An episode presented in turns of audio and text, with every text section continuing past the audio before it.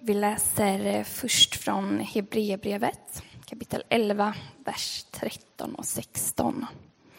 Eh, och I Sarons biblar finns det på sida 868.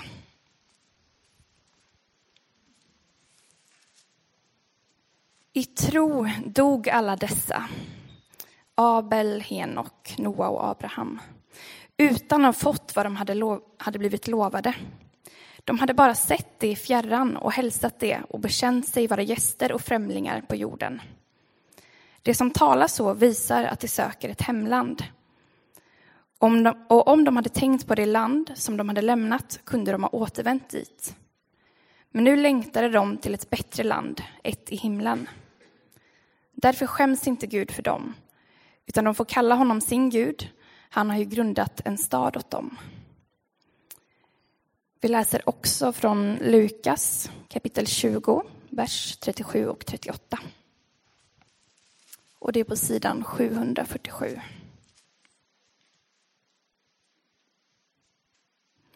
Att de döda uppstår har också Mose visat istället om törnbusken, där han kallar Herren för Abrahams Gud och Isaks Gud och Jakobs Gud. Gud är inte en Gud för de döda, utan för levande. För honom är alla levande. Då sa några skriftlärda, Mästare, det var bra svarat, för de vågade inte ställa fler frågor till honom. Så lyder det heliga evangeliet.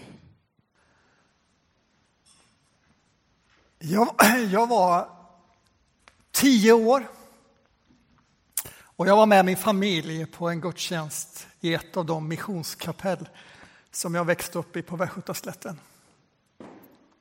Jag satt där på träbänken och jag minns inte så mycket från det där mötet. Inte förrän en kvinna ställer sig upp och ber. Hon kanske är i 90-årsåldern. Jag minns inte vad hon ber förutom en mening. Och den var följande. Gud, jag längtar så till himlen. Gud, jag längtar, eller kanske hon sa, vi längtar så till himlen. Och den där meningen träffade mitt barnahjärta. Och först förundrades jag över hur kan man längta härifrån till något himlen? Men ganska snart så var det framförallt oro som väcktes hos mig. Jag längtade ju inte till himlen. Behöver jag som kristen längta till himlen? Borde man som kristen längta till himlen? Smaka på den frågan. Ni hör, jag var tillräckligt gammal för att ändå reflektera över vad var det jag var med om, vad var det jag tänkte och kände.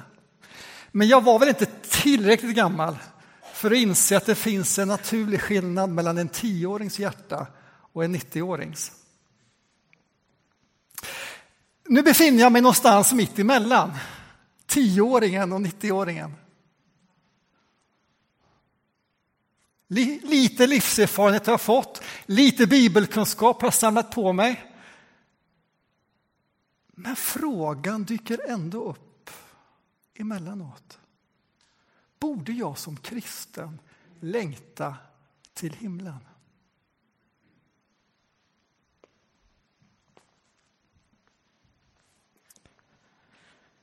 Vi tar med oss den frågan in i texten i Hebreerbrevet. Så går vi igenom den och så drar vi ett par spår som vi sen i vår vardag får fortsätta att spåra vidare på. Och vi har den här frågan med oss. Texten i Hebreerbrevet är tagen i ett ganska välkänt kapitel som brukar kallas för trons kapitel.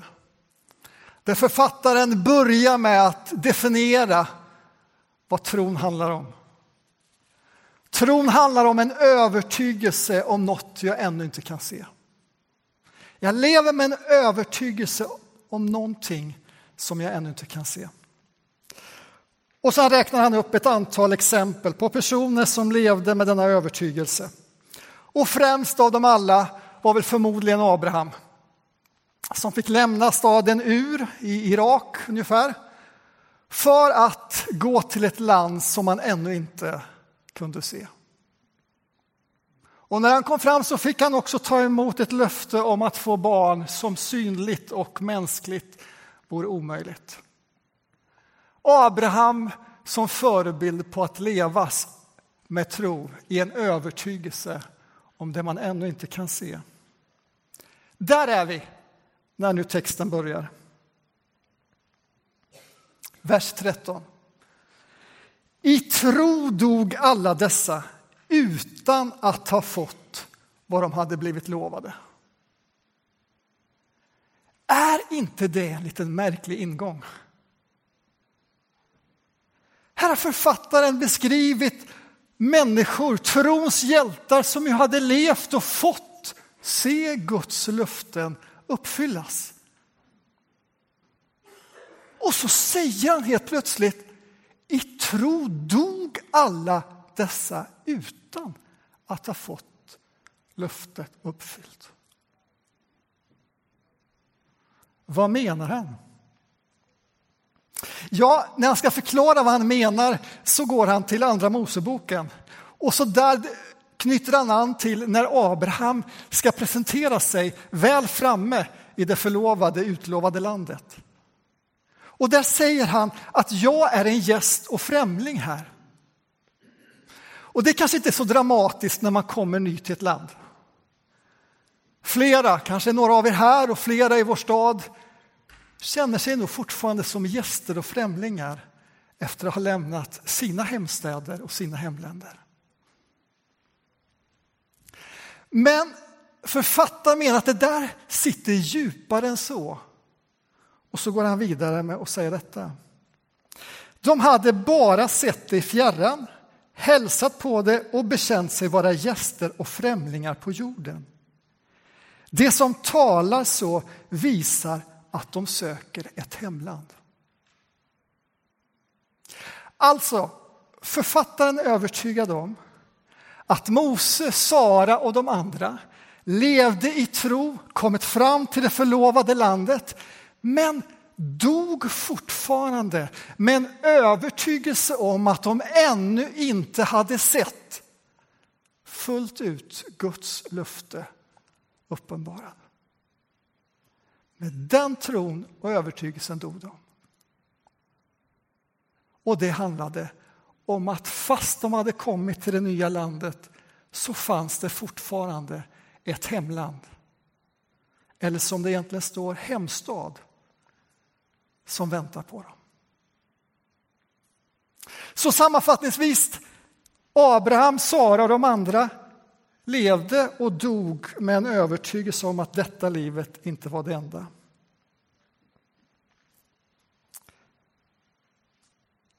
Kunde det handla, frågar författaren, om sin hemstad Ur? Nej, den längtan handlar det inte om. Det, vers 15. Om det som hade tänkt på den landet som om de hade om de hade tänkt på det land som de hade lämnat kunde de ha återvänt dit. Nej, nu längtar de till ett bättre land, ett i himmelen. Eller som det står, det himmelska. Så, där är texten. Tillbaka till frågan. Behöver jag, borde jag som kristen då längta efter himlen? Ja, med den här texten som utgångspunkt så är det naturligt för de första trosfäderna liksom det har varit för Guds folk i alla tider och för kyrkan att leva med en längtan, en strävan efter det himmelska.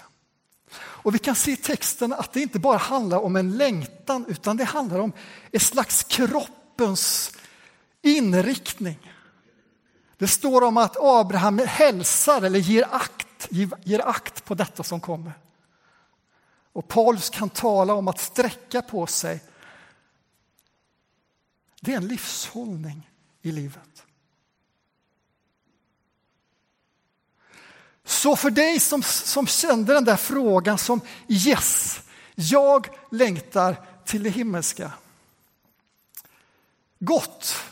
Gud välsigne dig och du kan gå och fika nu.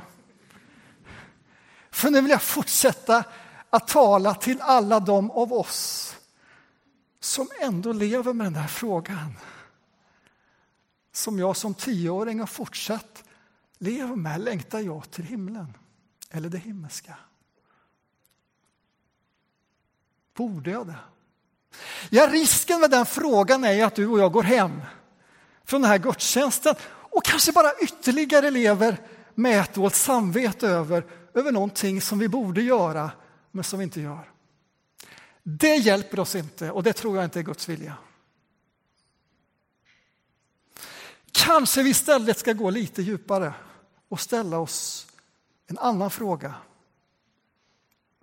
Och den frågan är varför saknas denna längtan efter det himmelska? Och nu talar jag till de av oss som känner att det gör det.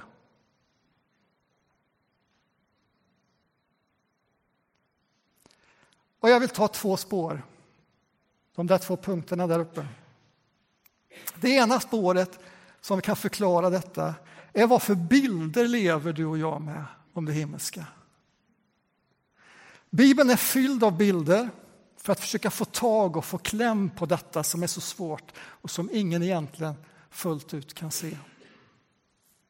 I den här texten så är det bilden av en stad vilket också var i sången vi sjöng i början. Jag vet inte om du går igång på den bilden. När jag var i Backaplan igår, mitt i köpcentrats myller av bilar vid 12-1-tiden, så kände jag att jag längtade hem till landet.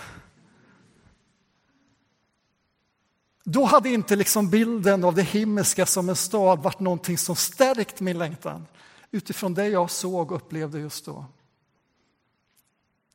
Men det är uppenbart att den bilden är vanlig i Bibeln. Det himmelska som en stad. Men observera att det inte är en stad som författaren vill betona som vi ska till där, ovan där. Och nu kan det här bli lite märkligt kanske för en del. Hebreerbrevets författare, liksom många andra av Nya testamentets författare, betonar inte staden där utan där, som en stad som kommer. Tydligast blir detta två kapitel senare, där författaren skriver i vers kapitel 13 och vers 13, 14. Ty här på jorden har vi ingen stad som består. Det var ingen uppmuntran för de som leder Göteborg. Men vi söker den stad som skall komma. Författaren betonar att denna stad är någonting som kommer. Vilket utvecklas vidare, inte minst i Uppenbarelseboken och Bibelns crescendo i dess avslutning om det himmelska Jerusalem som kommer ner. Detta kan vara ett märkligt bildspråk, men om vi utgår ifrån den där filmen vi nyligen såg som ju är det vi ser på nyheterna, som vi läser om i tidningar och som gång på gång, i alla fall hos mig, väcker en misströstan. Hur länge ska det här få hålla på? Förhoppningsvis väcker det ett visst engagemang, kanske att i veckan bedja för detta, att ge av sin tid, sin ekonomi. Ändå har Bibeln ett svar att vi kommer inte fixa detta. Utan Gud kommer behöva få gripa in igen. Och det ingripandet sker fullt ut när denna staden lämnar himlen och genomsyrar jorden. När jag ser filmen, när jag läser tidningarna, hör nyheterna och misströstan finns där och jag påminner mig om detta som Bibeln talar om, då börjar en gryende längtan efter det himmelska göra sig till känna hos mig. Gud, den bön vi ber om varje söndag låt ditt rike komma. Gud, när ska det komma? Låt det få komma snart. Låt mig idag få vara med och bedja om det, agera efter det.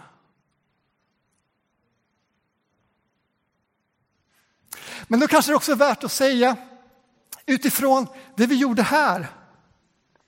De som har dött och gått före. Som vi talar om är hos Gud. Vilket Jesus säger.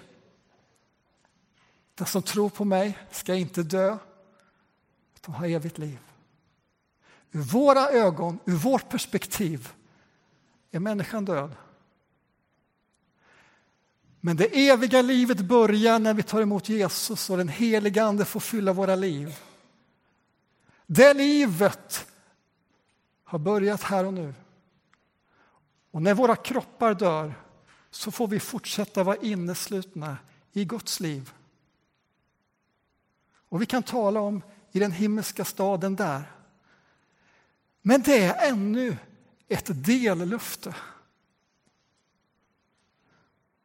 Vi får ännu leva med en övertygelse om det vi inte ser, att det ska komma till jorden. Och där finns ett tydligt löfte i Bibeln om uppståndelsens dag. Inte bara för oss, dig och mig, utan för hela skapelsen. För de barn vi såg och för alla som vill vara en del av det. Det väcker en begynnande längtan i mitt liv. Det andra spåret. Varifrån förväntar vi oss får vår längtan uppfylld? Jag anar att du liksom jag är fylld av behov, av längtan, av bilder på vad som är livets goda och var någonstans jag ska få del av detta livets goda. Varje gång vi tittar på en skärm, tar fram telefonen, datorn, tvn eller om du hellre tittar i papperstidningar så möts vi ju inte bara av de där storyna som vi fick förut i filmen. Vi möts också av en massa varumärken som vill svara på den frågan.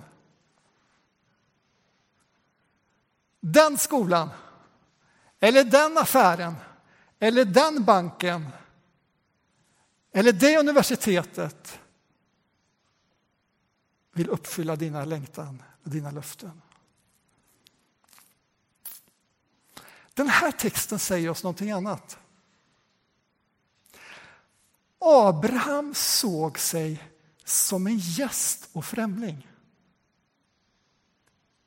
Ordet säger oss att Abraham såg sig leva bland ett folk som främling för en tid.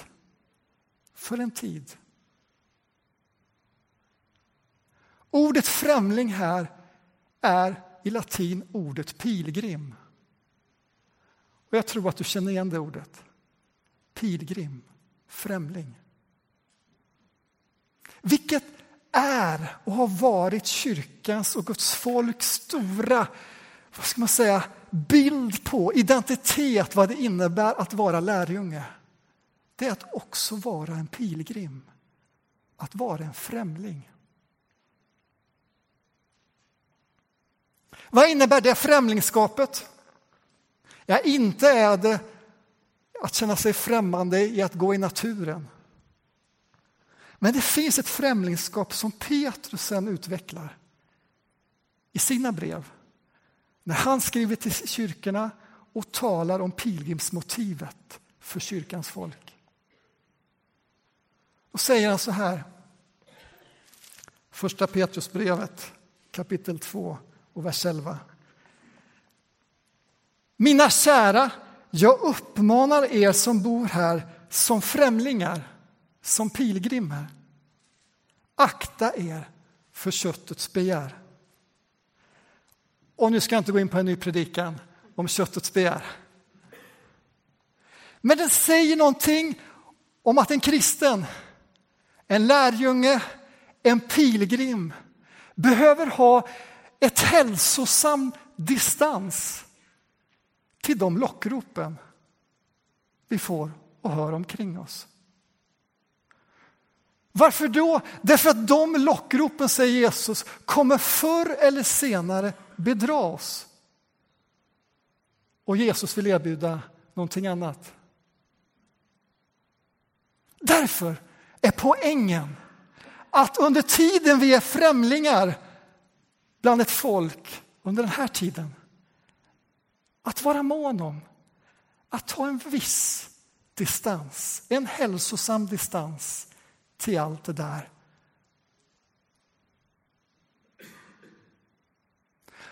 Och det kan leda oss in till en fråga som kan vara bra att ta med sig in i vardagen. Vad i mitt liv, vad i våra liv får oss att fästa vår längtan, våra förhoppningar, våra drömmar till den här tiden? Till den här tidsandan? Till den här världens erbjudande? Och vad i livet hjälper mig att på något sätt forma, växa, utveckla fram ett pilgrimskap i mitt liv. Och nu får denna väldigt simpla pinne från skogen i Tynnered vara en bild på det. Vad hjälper mig att i vardagen odla ett hälsosam distans till den värld jag lever i? För att odla ett pilgrimskap med siktet, med övertygelsen vänd till någonting som jag ännu inte kan se. Detta för att leva i tro att vår djupaste längtan och behov inte mättas där utan av honom och av den stad som kommer. Med den övertygelsen får vi leva och kanske också dö.